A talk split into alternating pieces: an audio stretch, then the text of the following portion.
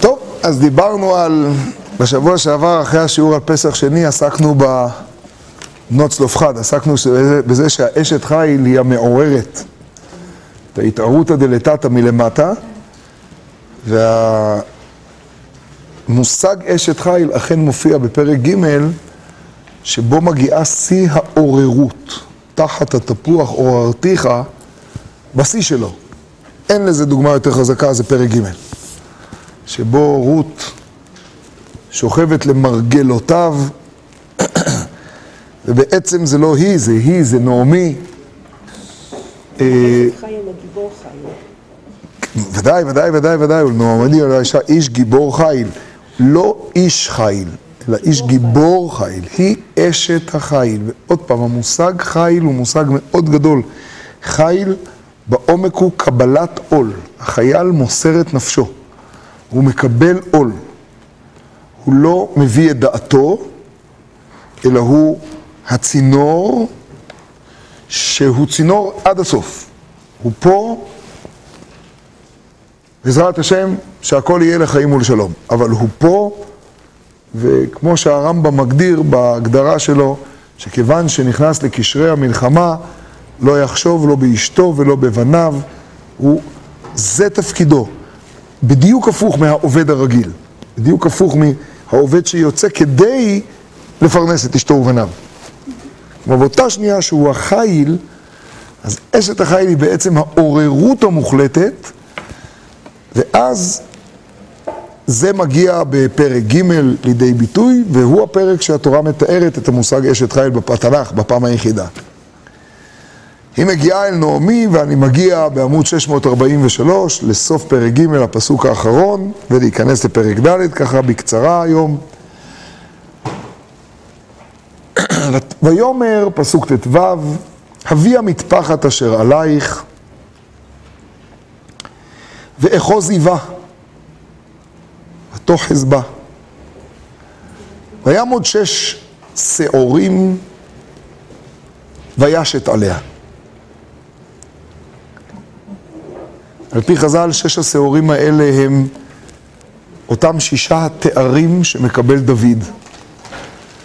עדינו, העצני, גיבור חיל, כל התארים שמקבל דוד המלך בהמשך מופיעים כאן, ובעצם הפרק הזה ברמיזה מעביר את דברי בועז באיזה רוח הקודש, בנבואה, גם על דוד וגם על שלמה. כי הרי הביטוי הראשון שלה היה, ותהי משכורתך שלימה מעם השם אלוקי ישראל אשר באת לחסות. שלימה, חז"ל כבר דיברו על שלמה, הוא זה שמשורר את אשת חיל, הוא זה ששם כיסא, וישם כיסא, והוא שם כיסא לאימה של מלכות. אבל אני חוזר לפסוק עוד פעם, ויאמר אבי המטפחת אשר עלייך ואחוז איבה, ותאחז בה, ויעמוד שש שעורים וישת עליה, וכאן...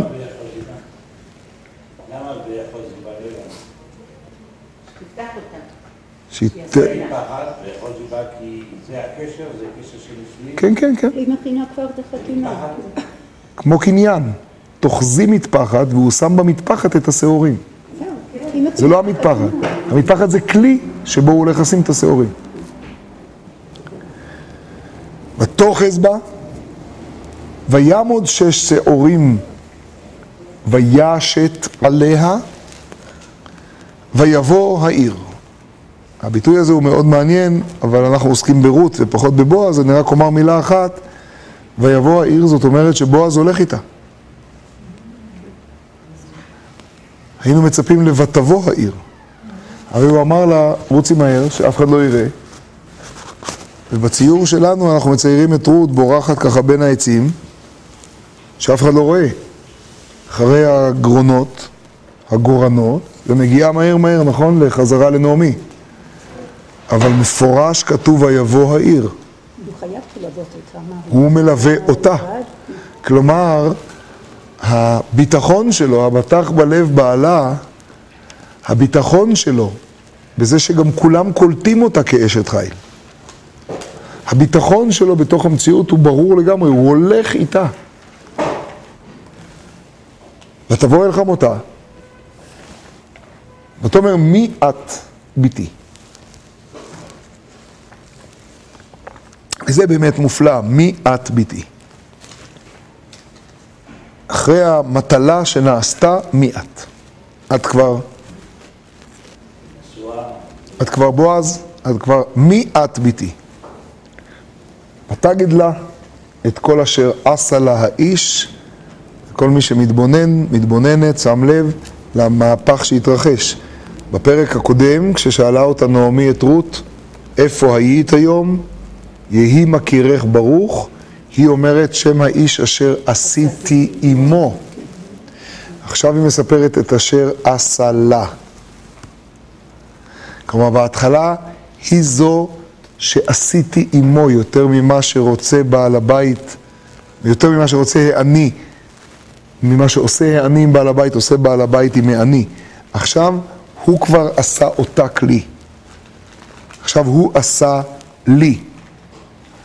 ותאמר, שש השעורים האלה נתן לי, כי אמר, ועוד פעם תראו מעניין מאוד בפסוק, אליי קרי ולא כתיב.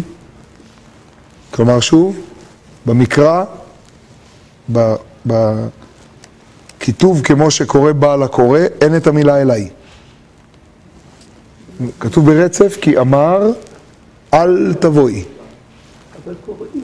אבל קוראים כי אמר אליי אל תבואי. זה אגב מעניין מאוד. אל ואליי זה שתי מילים כמעט אותו דבר, רק עם יוד קטנה. כי אמר אל, כי אמר אליי אל. כי אמר אליי אל תבואי ריקה מלחמותך, ועוד פעם אותה נקודה כמו שהיה מקודם. רות, בכתיב, בכלל לא מופיעה. כי אמר. למי? אלייך, אליי. אמר. דרכי זה עובר. אני לא הייתי שם. כי הרי הוא גם נותן לה, את. היא נותנת לה את שש השעורים.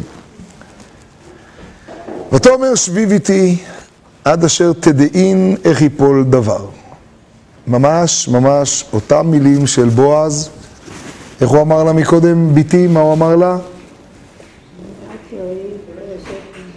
אל תראי ביתי כל אשר תאמרי אעשה לך. שביב איתי עד אשר תדעין איך יפול דבר. כי לא ישקוט האיש כי אם כילה הדבר היום, וכאן אני חושב שזו עוד נקודה שאנחנו רואים אותה בפרק אשת חיל מדהים.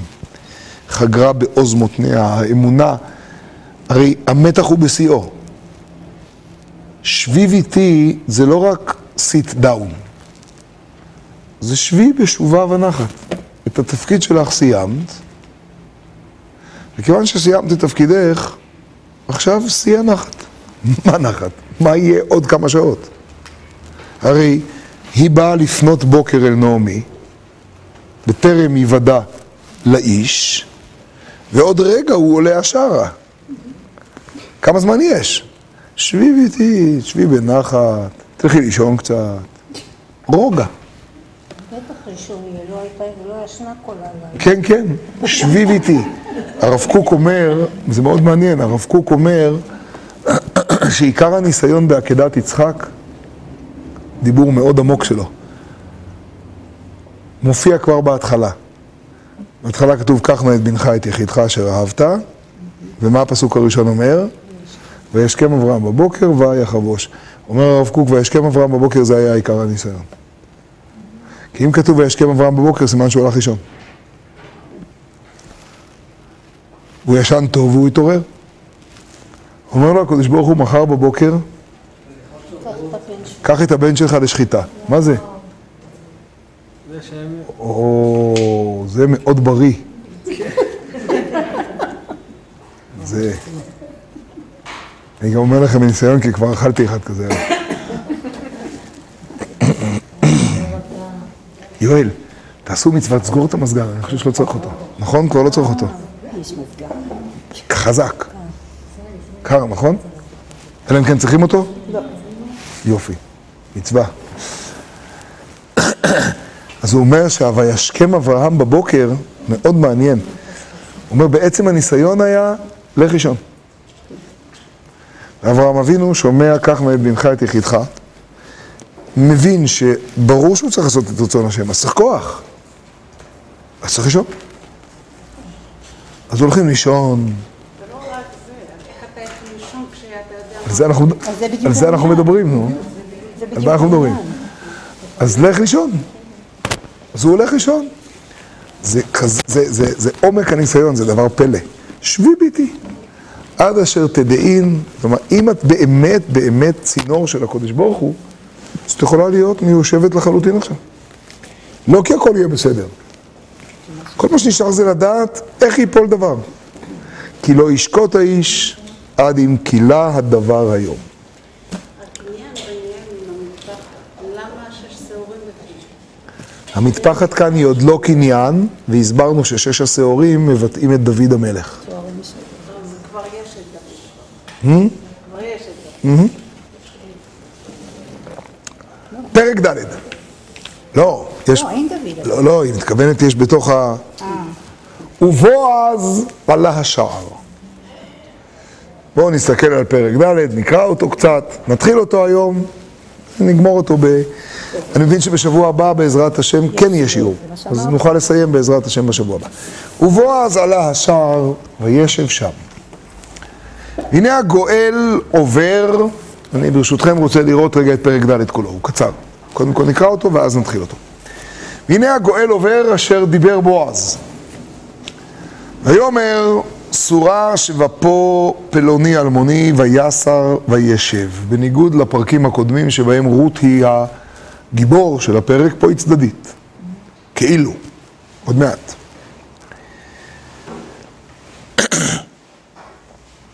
ויקח עשרה אנשים מזקני העיר, ויאמר שבו פה וישב. חשוב רק להבין שאנחנו מדברים פה עכשיו על השער, והשער תמיד הוא בית הדין, הוא הסנהדרין, שער העיר, היושבים בשער. מעמדו של בועז הוא כזה, שהוא... מוזר ש- שה- שהגואל בא אחרי כבר המעשה בעצם, זה כבר- למה אחרי המעשה? כי כבר רות הייתה עם בועז. לא הבנתי. רות הייתה בלילה עם בועז, עוד לא היה. עכשיו כל הדיון הוא האם בועז זכ- זכאי או הגואל יהיה זכאי. כל הדיון מתחיל רק עכשיו. לא, אמרתי לך, לא היה פה שום קניין, זהו, בזה התבלבלת מקודם. יש פה טעות. שום קניין לא היה. בועז אמר לרות שהוא לא יכול כי יש גואל קרוב ממנו. זאת אומרת, בסדר? זה חשוב מאוד למכלול. אני רוצה להבין משהו. ודאי. מה? קוראים לגואל פלוני אלמוני, אבל אם אנחנו מסתכלים בג'יניאולוגי שם, הוא חייב להיות בדור, בדור של אלימלך. כי הרי בועז הוא דור קודם, נכון. אח של אלימלך. כן, נו. זה אמרנו כבר כמה פעמים. אז מה זה פלוני אלמוני? אז זאת אומרת שרק לא יודעים את השם שלו, או שלא רוצים להגיד. אבל יודעים מי הוא. אני לא יודע כלום. כן, יודעים מי הוא ודאי. מה שמו, בכוונה. בואו, בואו, בואו, בואו נתחיל להתקדם. אחרי זה... בואו נתחיל להתקדם קודם כל. בואו נתחיל... בואו. זה יהיה הרבה יותר רציני אחרי שנראה את המכלול. ובועז עלה השער וישב שם, והנה הגואל עובר אשר דיבר בועז, ויאמר סורה שבפו פלוני אלמוני, זה באמת בולט מאוד, ויסר וישב. ויקח עשרה אנשים מזקני העיר, ויאמר שבופו וישבו. קודם כל מעמדו של בועז ברור, הוא אב בית הדין, הוא פונה אל הפלוני אלמוני, שהוא דודו דרך אגב, אבל הוא זה שמושיב את הכל. ויאמר לגואל, חלקת השדה אשר לאחינו לאלימלך, מכרה נעמי השבה משדה מואב. שימו לב, הוא בכלל לא עוסק ברות, הוא מדבר עכשיו על נחלה. לא ציפינו לזה, כל הדיון שלנו היה על רות, כל מה שרות ביקשה זה ופרסתך נפיך על אמתך, ופתאום הדיון הולך להיות עכשיו על חלקת שדה. אבל אנחנו גם לא יודעים שהיא באמת מכרה בינתיים. עכשיו בואו נראה מה קרה. ויאמר לגואל חלקת השדה אשר לאחינו לאלימלך מכרה נעמי השבה משדה מואב. ואני אמרתי אגלה אוזנך לאמור, קנה נגד היושבים ונגד זקני עמי. אם תגאל, גאל. ואם לא יגאל, הוא עובר אגב מגוף שני לגוף שלישי פתאום. ואם לא יגאל, הגידה לי, ואדעה כי אין זולתך לגאול, אין זולתך זאת אומרת הבא אחריך בתור מבחינת הקרבה של או דודו או בן דודו יגאלנו של הפרשה של אתמול. ואדעה כי אין זולתך לגאול, ואנוכי אחריך. ויאמר אנוכי אגאל. מעניין מאוד. בשלב הזה יש הסכמה לגאולה, וזה אגב ההגדרה ההלכתית של השדה, זה ממש פרשת שבוע. הפרשה שלנו עסקה בשדה שאדם מכר מאחוזתו, והוא מכר אותה בעוניו. מסתבר פה שרות מכרה את השדה הזה. לא יודע, למה צריך לדעת? למה זה חשוב? היא מכרה? כך כתוב פה שהיא מכרה. אה? היא מכרה מאחוזתה, ועכשיו צריך להחזיר את זה לבעליה כמו דין, כמו כל דין שדה בפרשת בהר סיני, שאם אדם מכר, בו. לא, אדם מכר בעוניו, היא רוצה להחזיר את זה לאחוזתה. על מה דיברנו היום? על יובל. בשנת היובל שווים איש של אחוזתו. ואדם, כדי לגאול את השדה שלו, אין לו כסף, הקרוב ביותר גואל. זה ההגדרה בהלכה.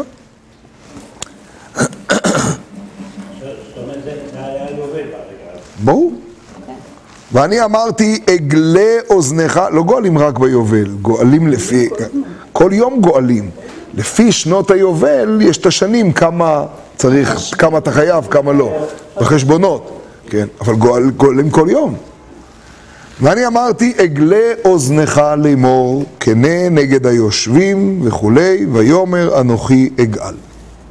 ויאמר בועז, עכשיו זה מאוד מעניין, זה בית דין, ואף אחד פה לא מדבר עכשיו על לקנות אותה עוד, זה השלב הבא. ויאמר בועז, ביום קנותך השדה מיד נעמי. ומא... שנייה, שנייה, שנייה. ברשותכם, אני חייב פה כמה פסוקים, בסדר? ויאמר בועז, ביום קנותך השדה מיד נעמי. ומאת רות המואביה, אשת המת, שימו לב למילה הבאה, קניתי, קניתה, קניתאי, תראו את הניקוד פה, תראו את המילה. ביום קנותך השדה מיד נעמי. ומאת רות המואביה, איך היא נכנסה לתמונה בכלל?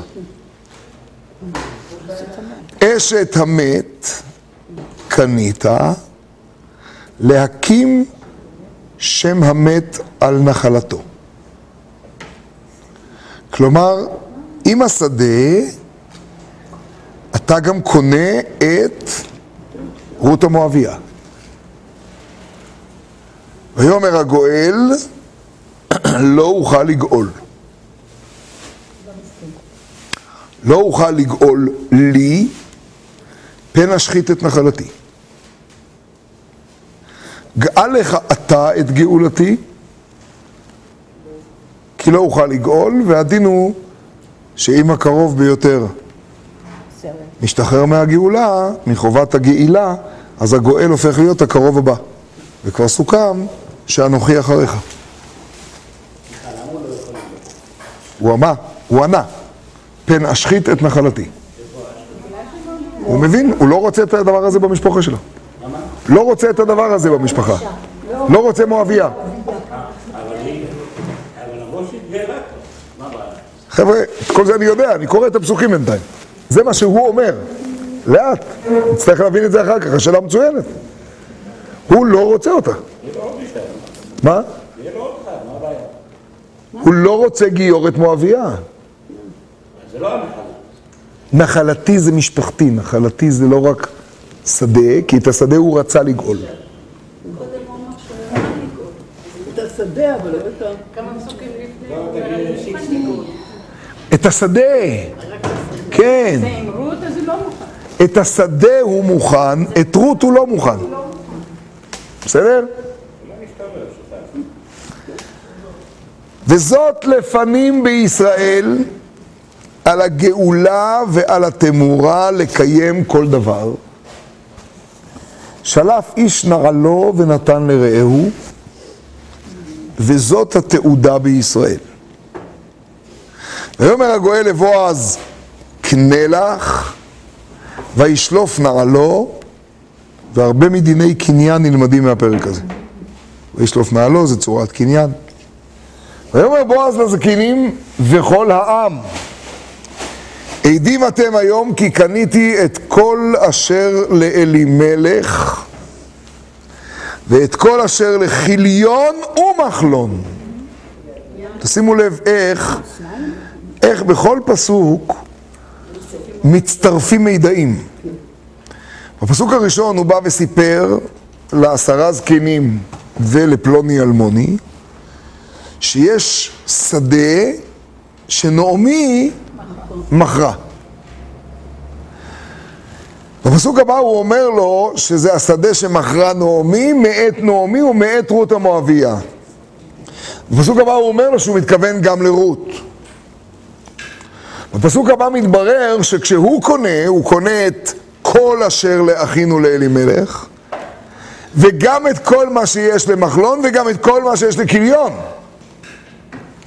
כלומר, פרק ד' בעצם, שכולם מצפים בו לחתונה של בועז ורות, זה לא רציני לרוץ לחתונה של בועז ורות לפני שמבינים שבעצם בפרק ד' מתרחש התרחיש הבא.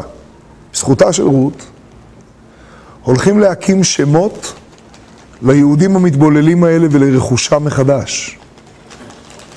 ה"ושבתם איש אל אחוזתו" של פרשת השבוע מקבל עוצמה שקשה להבין אותה. מי חוזר להיקרא בשמו הנושאי גויות האלה? שדותיהם. לאט לאט, תשמעו טוב. וגם, זה מדהים, כאילו זה הטפל. הרי כל הציפייה שלנו זה לשמוע על רות המואביה. אז הוא אומר בפסוק ט', תשמע, בוא נדבר רגע על העניין. קודם כל, קניתי את זה, וקניתי את זה, וקניתי את זה. אה, וגם חרבונה זכור לטוב. וגם את רות המואביה, אשת מחלון, קניתי לי לאישה, ועל הכל, את כל זה עשיתי לצורך מה? להקים שם המת על נחלתו. מי המת? מחלון. ולא יכרת שם המת מעם אחיו. איזה מת? שיתבולל. ומשאר מקומו. עדים אתם היום. מעידים או לא מעידים? עם שלם. ויאמרו כל העם אשר בשער והזקנים, שמתם לב אגב שהסדר התהפך? בועז אמר את זה לזקנים ולעם. מי ענו? כל העם והזקנים, זה התערותא דלתתא. העם מוכן לזה עוד לפני הזקנים. המהפכה של לקבל מואבייה היא הדבר הכי פחות קל שיש בעם ישראל.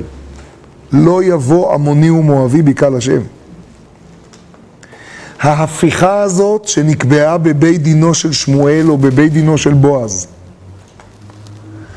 שהמואביה כן והמואבי לא, היא הפיכה ששימו לב לסד- לסדר. שימו שנייה את בועז בצד. יש כאן סדר חשיבות. האדם החשוב ביותר פה הוא הפלוני אלמוני שאפילו לא מקבל שם. הוא, להחזיק טוב מחדש, בן של נחשון בן עמינדב. הוא האח של אלימלך. הוא הממשיך האולטימטיבי הברור. הוא מגדיר מפורש, אני מוכן לסבול את הנושא של הקמת שדה ולכתוב עליה שדה מחלון. מוכן. רות, אני לא אומר לא, אני לא אומר אסור, אני אומר לך, גאה לך אתה, אדם לא יכול להציע לאדם אחר לעבור עבירה. אני אומר שאם שמואל הרמתי ובית דינו אמרו מואבי ולא מואביה, אני לא חולק. אני לא בשלב הזה. אני לא מסוגל. לא. ממילא זה בועז. אני לא יכול. אני לא יכול, אני לא מקבל את זה. הזקנים כבר מקבלים את זה, אבל הראשונים שיכולים לקבל את זה זה העם. העם, הזקנים, הגדול שבזקנים. זה מעניין מאוד הסדר. הכל הפוך. הכל נכון. מהתערותא דלתתא. דרך אגב, זה כל מה שקורה עם רות. רות מייצרת התעוררות, זה האשת חי. כבר? אז נדבר. וגם, יואל, יש לך פה כמה גרושים? יש לך את 100 שקל? אני צריך לתדלק, יש עליך זה? ויאמרו כל העם אשר בשער והזקנים עדים, ייתן השם את האישה הבאה אל ביתך, כרחל וכלאה אשר בנו שתיהם את בית ישראל. היום עוד לא נגמור את הכל, רק נציין את הנקודות. כבר דיברנו על השתיהם, שימו לב גם למי קודמת למי. אנחנו נמצאים איפה? בבית לחם יהודה. אז איך רחל קודמת ללאה? זה אפילו לא כיבוד אם. אנחנו נמצאים בבית לחם יהודה, אנחנו נמצאים אצל בניה של לאה, שוודאי מקדימים את רחל. ייתן השם את האישה הבאה אל ביתך כרחל וכלאה. אני גם רוצה שנשים לב טוב לעוד נקודה אחת. לא יודע אם שמים לב לזה כשקוראים את זה. רחל ולאה זה גם סיפור מסובך. איך אפשר לשאת שתי אחיות? זה כאילו שזה אחד. רחל לאה. איך אפשר לשאת שתי אחיות? כרחל וכלאה.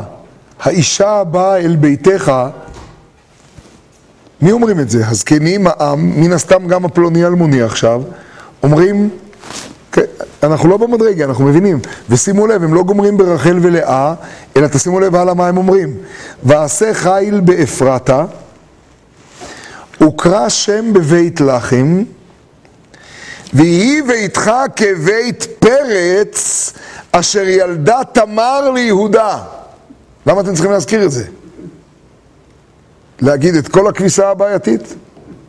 כלומר, אי אפשר להשאיר משהו אחד נורמלי פה? רחל ולאה, תמר ויהודה, פרץ, כלומר היה שם תינוק אחד שקפץ לפני הזמן. זה הפירוש של המילה שמה, זה הפירוש של המילה, ובכל זה, בתוך הברכה של... זה הברכה לחופה, זה ברכה. זה הברכה. הוא שייך, והיא שייכת ל- לשייך. על זה נדבר אחר כך.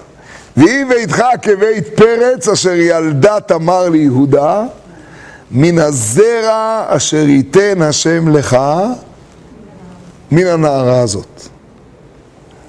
ויקח בועז את רות, ותהי לו לאישה, אני היום רק עושה הקדמות לדיבור שלנו בפעם הבאה בסיום של הכל. ויקח בועז את רות ותהי לו לאישה, זה משפט שאנחנו מכירים במקרא יותר מפעם אחת. כן, ויקח יצחק, ותהי לו לאישה, בכלל לא בדיוק, חכו תשמעו. ויבוא אליה, אנחנו מכירים אצל יעקב, ויבוא אליה, וייתן השם לה הריון. הראשונה והאחרונה במקרא שזה מופיע. מה היא קיבלה מתנה? הריון. וטהר, וטהר, לא ראינו פעם, אגב בכלל לא ראינו את המילה הריון עד היום במקרא, סתם, המילה הריון, זהו, תכירו, זכויות יוצרים. וייתן השם לה הריון. מה המתנה שהוא נתן לה? לא בן.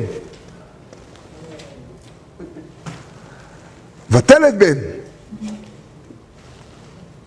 היא ההיריון, היא הרחם. היא הפונדקית הקדושה של נעמי. ותאמרנה הנשים אל נעמי.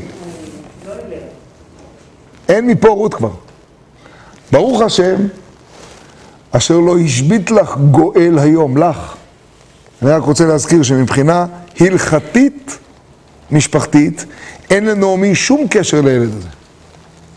כי נעמי אימא של מחלון. רות נישאה למחלון בכלל לא לפי ההלכה בפשטות. אז ממילא אין קשר הלכתי. אז הקשר בעצם בין נעמי, בעצם ביולוגית, הקשר בין נעמי לבין הבן הזה, הוא שנעמי, תחזיקו טוב, היא בת דודה של אבא שלו. פילה פלואים. בת דודה של אבא שלו. אבל הוא הבן של נעמי. של... בועז. בועז. מה איך? בועז, אביו של בועז, הם בני דודים. ואם, ואביה של נעמי, ואלימלך, ופלוני אלמוני הם אחים. זה כבר דיברנו הרבה פעמים. בטח. ויקרא, רק שנייה, אל נעמי ברוך השם אשר לא השבית לך גואל היום, ויקרא שמו בישראל. אגב, מאוד מעניין, אנחנו היינו מצפים ל"ויקרא שמו בישראל", מה שמו? או, כי אנחנו מכירים מהברית שכשאומרים ויקרא שמו בישראל, אבל זה לא הפשט של הפסוק. ויקרא שמו בישראל. הוא אדם ששמו ייקרא בישראל. עכשיו אני לא יודע אם אנחנו תופסים מה כתוב פה. הילד של רות היה יכול להיקרא שמו לא בישראל. הילד הזה של רות, לא כשהיא עוד הייתה עם מחלון. הרי יש דיון אם היא התגיירה, הרי הגיור הוא רק כשהיא נעמי אחרי שמחלון מת. אז ויקרא שמו בישראל. נכון, נו אז מה, ואני תל אביבי. מואביה זה כמו הגדרת מקום. כן. והיה לך, נכנס לקהל ישראל. כן, זה המושג ויקרא שמו בישראל. הוא נכנס לקהל ישראל. ודאי. והיה לך למיש... היא אימה של מלכות, את שואלת מי? היא אימה של מלכות. והיה לך למישיב נפש ולכלכל את שיבתך.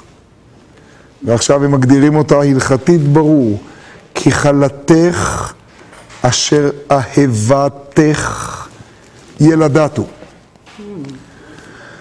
אשר היא טובה לך משבעה בנים. ותיקח נעמי את הילד, ותשיתהו בחיקה, ותהי לו לאומנת. ותקרנה לו השכינות שם לאמור. אני לא יודע מי זה השכנות, אבל מי זוכרת את קבוצת הנשים בפעם הראשונה שאנחנו מכירים? מתי זוכרים קבוצת נשים ברות? פעם אחת יחידה הייתה, קבוצת נשים. כשהן באות, ותאמרנה הנשים, ותהום כל העיר, הזאת נעמי. הנשים, הנשים שצעקו הזאת נעמי, הן פתאום השכנות שאומרות, יולד בן לנעמי. זה סיפור מדהים. כלומר, הם הופיעו פעם אחת, תראו את הבמה פה, תראו את ההפקה. פעם אחת הופיעה פה קבוצת הנשים הגדולה. זו שקיבלה את רות ונעמי וזעקה אולי בבכי, אולי בכעס, אולי בהכל ביחד. בתדהמה, בכאב, ב- ב- ב- ברור שגם בהרבה הרבה הרבה נוגדנים. חזרת, אה? ותאמרנה, הזאת נעמי. והיא אמרה להם, אל תקרנה לנעמי, קרנה לי מרה. והנה הן באות עכשיו השכינות, לא שמענו עליהן אף פעם. הן לא נשים, הן שכינות. ואומרות ותקרנה שמו עובד, הוא אבי ישי אבי דוד. ואלה תולדות. פרץ, פרץ הוליד את חצרון, וחצרון הוליד את רם, ורם הוליד את עמינדב, ועמינדב הוליד את נחשון, ונחשון הוליד את סלמה, וסלמון הוליד את בועז, ובועז הוליד את עובד, ועובד הוליד את ישי, וישי הוליד את דוד. זאת אומרת, ברור לגמרי שהמגילה, חשוב לה מאוד להסביר לנו שכל זה הוא הרקע לדוד. כלומר, זו לא מגילה שאנחנו יודעים שרות היא אמו של דוד. המגילה שמאוד התמקדה באירוע היסטורי מסוים בזמן מאוד מוקדם, מסיימת בשלשלת היסטורית, אין לנו לזה דוגמה. אנחנו מכירים תולדות במקרא, אבל התולדות מופיעים במקום שלהם. אלה תולדות יצחק. אברהם הוליד את יצחק. אלה תולדות להבדיל ישמעאל, אלה תולדות עשיו. עשיו הוא אבי אדום. אבל סיום מגילה, אפילו לא באלה תולדות עובד, אלא עכשיו בואו נסכם איפה עובד בתמונה הכוללת, והתמונה הכוללת היא סיפורו של דוד, כלומר ברור לגמרי שהמגילה נכתבת לכבודו של דוד. זה אמור להיות אפולוגטיה של שמואל על זה שהוא לא קיבל את דוד בתור מלך אחרי ש... הכל, הכל טוב ויפה. כלומר, המגילה היא ברור נכתבת לכבודו של דוד. זה מה שמביא את חז"ל להגיד שאת מגילת רות כותב שמואל. המגילה נכתבת לכבודו של דוד. היא נכתבת בתקופת השופטים. היא מתארת את הזמן שהרבה לפני דוד. ויהי בימי שפוט השופטים. אם היא מתארת את הזמן של את ה... היא מתארת הרבה מאוד מאוד שנים לפני דוד. אבל היא מתארת בעצם מהלך אחד ארוך, שמחבר את ספר בראשית, חוץ מבדברי הימים אנחנו לא מכירים את זה, שמחבר את ספר בראשית עם משיח. את ספר בראשית, את הכל, את הראשית והאחרית. ושימו לב רק לעוד פרט אחד קטן, שגם עליו נדבר בפעם הבאה. ואלה, נו, פסוק י"ח, ואלה תולדות פרץ, סליחה, פרץ. אתם מכירים הרבה ואלה תולדות, נכון? במקרא? כן. מה מיוחד ב"ואלה תולדות" האלה? מה אתם אומרים? מה אתן אומרות? סתם שאלה, נכון? זה אותו דבר כמו כל ואלה תולדות, נכון? זה בעברית אתנחתה, בכל עברית יש ואלה תולדות פרץ, פרץ הוליד את, זה הרבה פעמים. ואלה תולדות יצחק בן אברהם, אברהם הוליד את יצחק, זה בסדר גמור. אבל לא כתוב במי. איך? לא כתוב מי הוא ולא מה הוא היה. כתוב בפסוק לפני כן. כן. כתוב שיהודה מתמר הוליד את פרץ, הכל בסדר. הכל בסדר. אלה תולדות עשיו הוא עשיו אבי אדום. אז פה לפני כן סיפרו מי זה פרץ, זה לא השאלה. מה המיוחד פה? קשה מאוד לשים לב לזה. פלא עצום. איך איך? מה זה כיף קטון? ואלה תולדות פרץ, זה בסדר, כי זה הפסקה. נו, מי ישים לב? למה פרץ ופרץ? בסדר, כי זה אתנחתה, זה סוף פסוק. הכל בסדר, כן, ודאי, פרץ הוליד את חצון, זה פרשת בראשית. כי מפרץ הכל מתחיל, לא מיהודה. מיהודה יש גם ער ועונן והכל, הכל מתחיל מבן פרצי. לא, לא, לא, לא, משהו הרבה יותר פשוט. ומה, שנייה, שנייה, מה ו? נכון, ואלה תולדות פרץ, זה המשך, זה בסדר? בואו אני אגיד לכם. אבל אני אגיד לכם את זה דרך אה, שנגיע לחידון הזה לבד. בואו תסתכלו. בואו נפתח שנייה. איפה אתם זוכרים את המילה תולדות? ואלה תולדות. איפה אתם זוכרים? איפה שאתם רוצים. למשל, אלה תולדות נוח. בואו נתחיל באלה תולדות נוח. איפה שאתם רוצים. נתחיל ב... אני מכיר בפעם הראשונה, חבל הזמן, כדי לא לגנוב זמן. בואו... רק שנייה, דקה, דקה, דקה. שנייה, שנייה, שנייה, שנייה, בואו נעלה על זה ביחד, בסדר? תנו לי שנייה. בואו בוא נתחיל מהפעם הראשונה שאני זוכר את המילה תולדות. לא, אולי אני לא אתחיל מהפעם הראשונה. בואו נתחיל, בוא נתחיל מנוח, בסדר? אלה תולדות, אלה תולדות נוח, או בפרק, אתם יודעים מה פרק לפני, עמוד 12. עמוד 12. זה ספר תולדות אדם. איך כתובה המילה תולדות? תו, לא, לא להגיד בלי וו, עם וו. זה ספר תולדות אדם. איך זה כתוב? עם וו או בלי וו? עם וו אחד, אה, עם וו אחת. אז בוא נדייק. אז זה ספר תולדות אדם, יש וו אחת ראשונה. בוא נדייק, כל עוד חשובה. בסדר? וו אחת. יופי. בואו נחפש איזה תולדות אם אתם מכירים. בואו נלך עכשיו לפרשת נוח, קדימה. אלה תולדות נוח, יש ו'? עמוד 16. עמוד 16. אחד. אחת. איזה? ו' ראשונה או ו' שנייה? ראשונה. ראשונה, יופי, מצוין.